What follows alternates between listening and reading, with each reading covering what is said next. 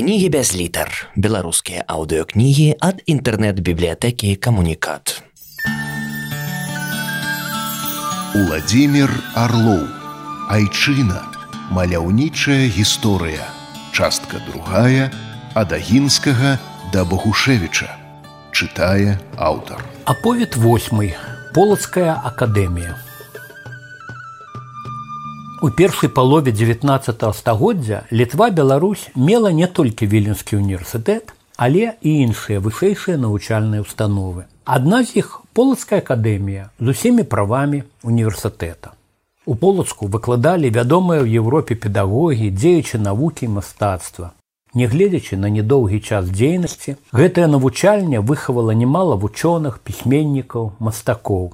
Невыпадкова сучасны полацкі дзяржаўны універсітэт лічыць сябе пераемнікам акадэміі, а студэнты некаторых яго факультэтаў займаюцца ў былых акадэмічных карпусах. Папярэднікам акадэміі быў полацкі калегіум, які адчыніў дзверы ў 1581 годзе. Навучальню стварылі манахі таварыства Ісуса. Так афіцыйна называецца каталіцкі ордан езуітаў. За савецкім часам пры езуітаў нельга было пісаць або казаць нічога прыкільнага. Іх называлі ці маршаламі, прыпісвалі ім самыя розныя грахі ды злачынствы. Насамрэч таварыства Ісуса зрабіла ў гісторыі шмат карыснага. Адчыняла друкарні, аптэкі і шпіталі, паспяхова змагалася з эпідэміямі, займалася дабрачыннасцю. Але галоўная заслуга ордэна езуітаў стварэння самых перадавых для таго часу навучальных установаў. Англійскі філосаф Фрэнсіс Бэкон зазначыў: бярыце прыклад з езуіцкіх школ, бо лепшых проста не існуе.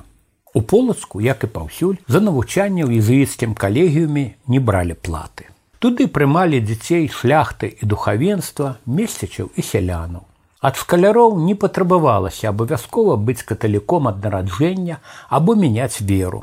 У калегіум на самом пачатку ягонай дзейнасці аддалі сыноў праваслаўны полацкі епіскап Феафан і пратэстант кальвініст воевода Миколай дарагастайскі парог калегіума вучень пераступаў у 10 гадоў. Ён мусіў умець чытаць і пісаць, быць трохі знаёмым з лацінай, што лічылася ў тагачаснай Еўропе моваю навукі. Першай прыступкаю да вяршыню ведаў была гімназія. Навучанне ў малодшых класах, пакуль хлопчыкі недасканала ведалі лацінскую мову, вялося ў тыя часы па-беларуску. У гімназіі вучыліся 6 гадоў. Навучэнцам трэба было ўжо вольна чытаць на лацінскай і старажытна-грецкай мовах творы антычных гісторыкаў, лівія плутарха, лісты красамоўца цыцерона, вершы авідзія і катула і ліяду гамера. У калегіме вывучаліся арыфметыка і геаметрыя, фізіка і астраномія, гісторыя і геаграфія, логіка і музыка. Выпускнікі гімназіі мелі магчымасць застацца ў полацку надалей тры гады займацца ў калегіуме філасофіі або чатыры гады тэалогіі іншымі словамі багаслов'я. Вучыцца было нялёгка, але надзвычай займальна. Паміж вучнямі і класамі бесперапынна ішло цікавае творча наладжанае спаборніцтва. Класы дзяліліся на грэкаў і рымлянаў. Калі грек не мог аказаць на цяжкое пытанне настаўніка, падымаўся з месца роўны яму ў ведах рымлянін, І так працягвалася, пакуль не гучаў правільны адказ. Захапляла навучэнцаў і асабістае спаборніцтва. У ім пераможца мог заваяваць медаль, кнігу ці абразок, а ўрэшце ганаровае звання імператара. А вось тыя, хто вылучаўся недбайнасцю, прысаромлена панурыўшы галаву, выпраўляліся на асліную лаву. Зацятак гультаёў звычайна вінчалі саламянымі каронамі. Іх нельга было здымаць, пакуль не выправішся. Разам са звычайнымі дысцыплінамі скаляры спасцігалі правілы паводзін у асяроддзе людзей рознага стану, ад простага люду да арыстакратыі. Шмат увагі надавалася фізічнаму выхаванню, гульням на свежым паветры, плаванню, верхавой яздзе, фехтаванню. Пры полацкім калегіуме з 1585 года дзейнічаў тэатр. Спектаклі звычайна прымяркоўвалі да калядаў, вялікадня, да пачатку і заканчэння навучальнага года. Скаляры выходзілі на сцэну ў п'есах на антычныя біблійныя тэмы, на сюжэты зайчыннай гісторыі. Нярэдка пастаноўкі прысвячаліся падзеям жыцця горада і калегіума і гледачы маглі пазнаць у тэатральных героях саміх сябе. Паказы ў тыя даўнія часы адбываліся пераважна на лацінскай мове, але часам героі гаварылі і па-беларуску. Спектаклі суправаджала музыка, створанага ў калегіуме аркестра. Архітэктурнай славутасцю полацка стаў збудаваны езуітамі мурабаны сабор святого Стэфана. Храм узнёс свае вежы на 60 метраў і запанаваў над горадам. Адну з вежаў упрыгожыў гадзіннік з меладычным боем, што адлічваў кожную чвэрць гадзіны. Поруч з беларускімі майстрамі аздабленнем сабора займаліся італьянцы. Вернікаў уражвалі велічныя мурмуровыя калоны і цудоўныя абразы. Некалькі з іх намаляваў у вероне выдатны мастак Сальватор Роза. У сценах храма гучала музыка магутнага аргана. Да канца 18 стагоддзя каля сабора святого Стэфана паднялося некалькі дзясяткаў мураваных будынкаў.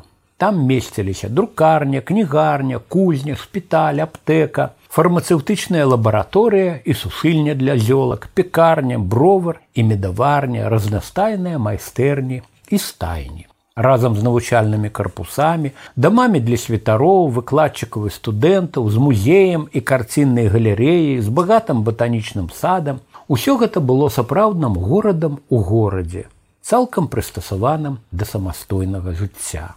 Апрача поласка калегіум на землях вялікага княства літоўска давалі моладзі веды звыш 20 такіх навучальняў. У вільні горадні берасці менску магілёве слонямі слуцку смаленску воршы пінску нясвіжы ды на бургу дзвінску бабруйску. Аднак менавіта поласкі калегіум дзе навучалася 300 студэнтаў лічыўся самым значным сярэдзіне 18 стагоддзя ён даваў адукацыю што мала адрознівалася ад універсітэцкай. Тут выкладалі асобы аўтарытэтныя ува ўсёй еўропе. Чытаў лекцыі знаёмы вам сапавядання пра віленскі універсітэт філосаф і паэт хрысціянскі гарацый мацей казімир сарбеўскі.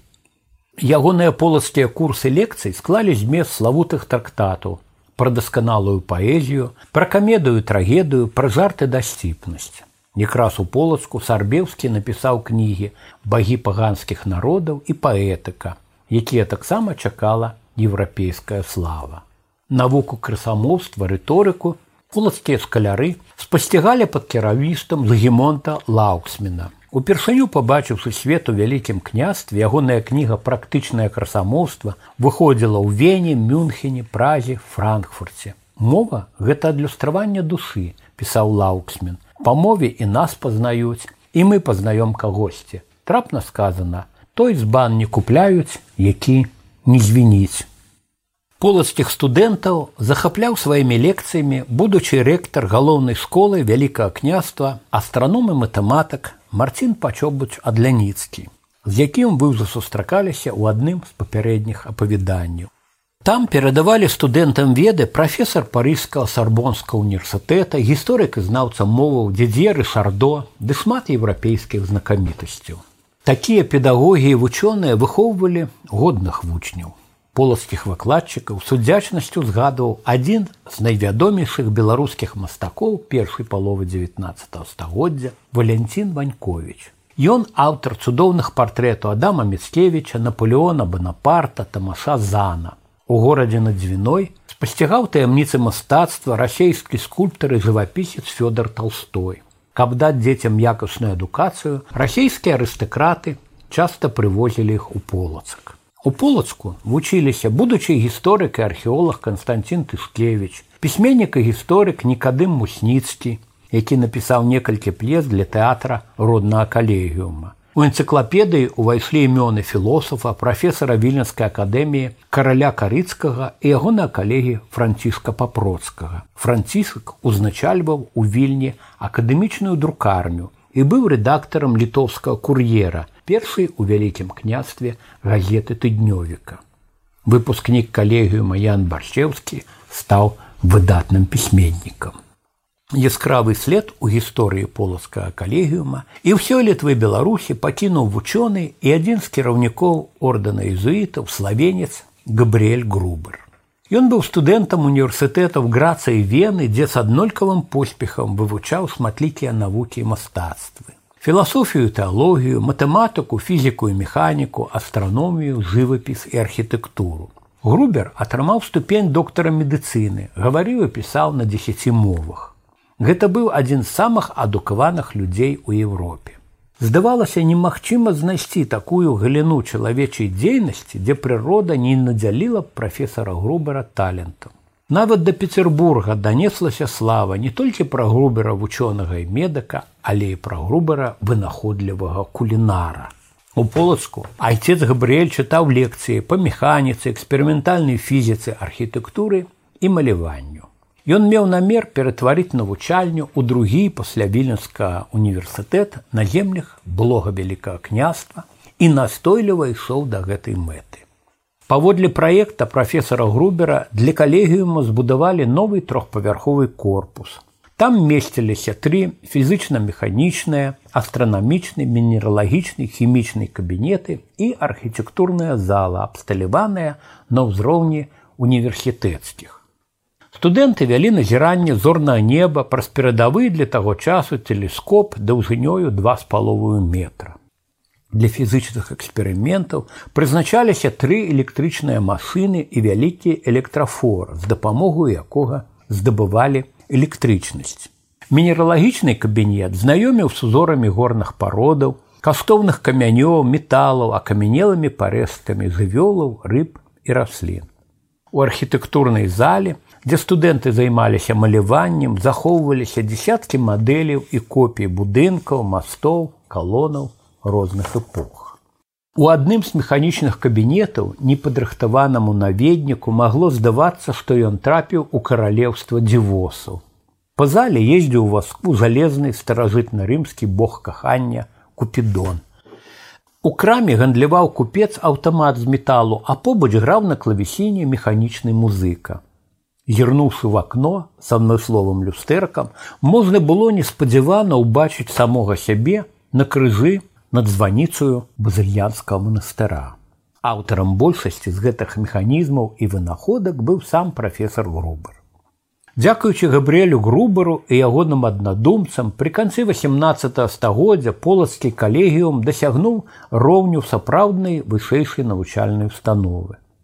Там вывучалі польскую, беларускую, расійскую, французскую, нямецкую, лацінскую і грецкую мовы.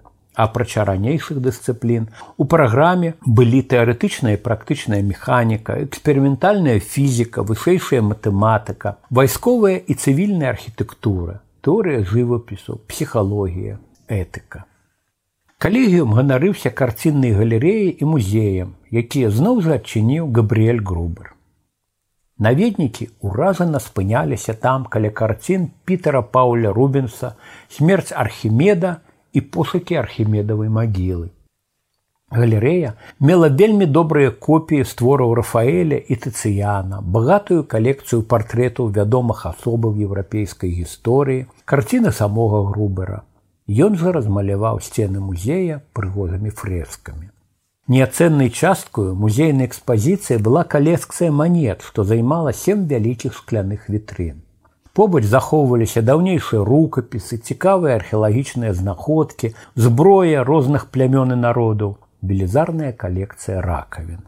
Але галоўным дзівам калегіума лічылася створаная полацкімі механікамі пад кіраўніцтвам грубера механічная галава. У адной з музейных залаў высока ў сцяне была ўстакаваная галава старога з сівымі валасамі. Галава рухалася, вочы старога глядзелі то лагодна, то з прыхаванай усмешкую, то сувора і пагрозліва. Ды найперш галава здзіўляла, захапляла і палохала наведнікаў тым, што размаўляла. Манах экскурсавод прапаноўваў на любой мове задаць галаве любое пытанне і тая без роздуму гучна і з веданнем справы адказвала на той самай мове. Мара Габрыэля Грубера пра новы універсітэт здзейснілася, калі жыццёвы шлях прафесара ўжо завяршыўся. У 1812 годзе імператор Александр I у адказ на шматлікія просьбы ліцвінскай арыстакраты і шляхты падпісаў указ пра пераўтварэнне полацкага калегіума у акадэмію з усімі універсітэцкімі правамі. Горад над дзвіной адзначыў гэтую падзею урачыстымі набажэнствамі, фейерверкам і балямі. Прывітальныя прамовы вершы з нагоды свята гучалі на сямі мовах, у тым ліку і на беларускай. Студэнтаў чакалі тры факультэты тэалагічнай, моваў і літаратур, вольных мастацтваў і філасофіі. У дадатак да ранейшай праграмы калегіума на філалагічным факультэце выкладаліся старажытна-габрэйская, італьянская і арабская мовы. Да шматлікіх колішніх дысцыплін дадаліся права, статыстыка, палітычная эканомія, мінералогія, трыганаметрыя, заалогія, батаніка. У акадэмічным выдавестве друкаваліся падручнікі, слоўнікі, навуковыя трактаты, календары і мастацкія творы. Выходзіў часопіс полацкі месячнік. 40 тысяч кніг налічвала бібліятэка акадэміі.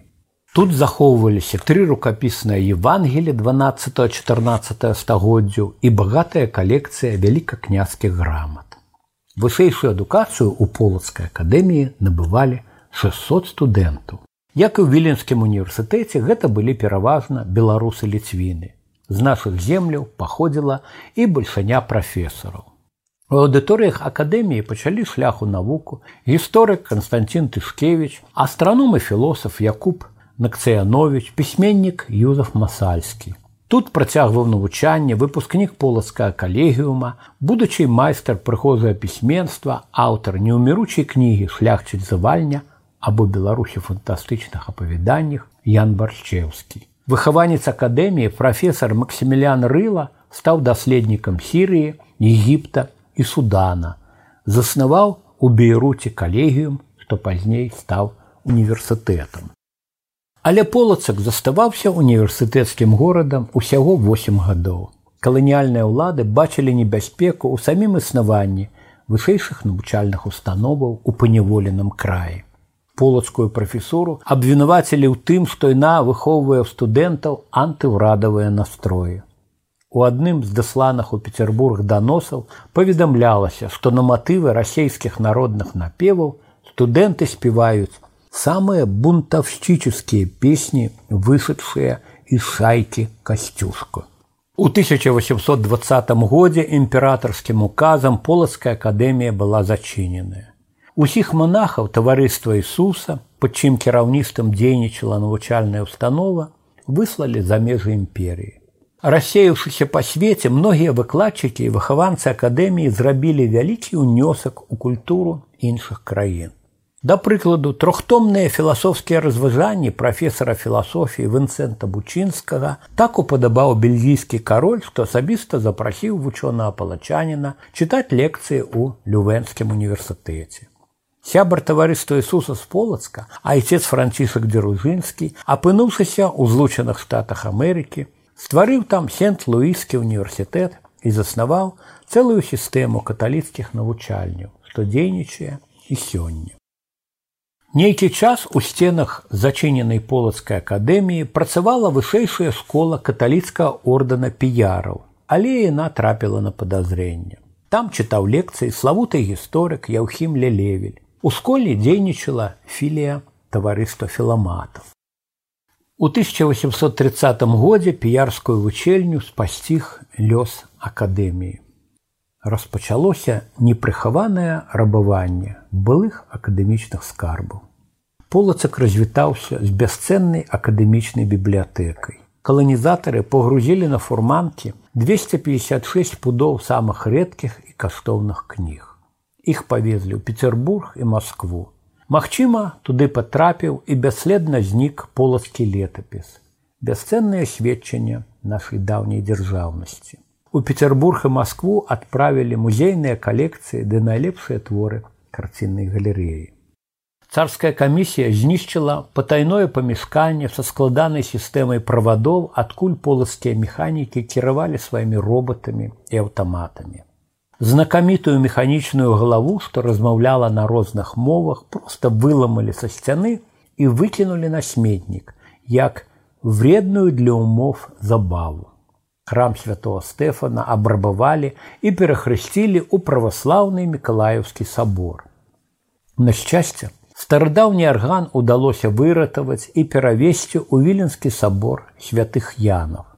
Там на гэтым музычным інструменце шмат гадоў граў кампазітар Станіслав Манюска. У будынках акадэміі ў 1835 адчынілі кадэцкі корпус, хто мусіў выхоўваць верных слугаў царя і отечества. Аднак улады прылічыліся, калі ўспыхнула вызвольнае паўстанне 1863-1864 гадоў, пры якое вы даведаецеся далей, большая частка кадэтаў пакінула корпус, бо падтрымлівала змагароў супраць прыгнёту. За гэта кадэцкі корпус расфармавалі і ператварылі ў вайсковую гімназію. Сёння ў сценах былых калегіума і акадэміі зноў гучаць галасы студэнтаў і выкладчыкаў. Тут месцяцца некалькі факультэтаў полацкага дзяржаўнага універсітэта.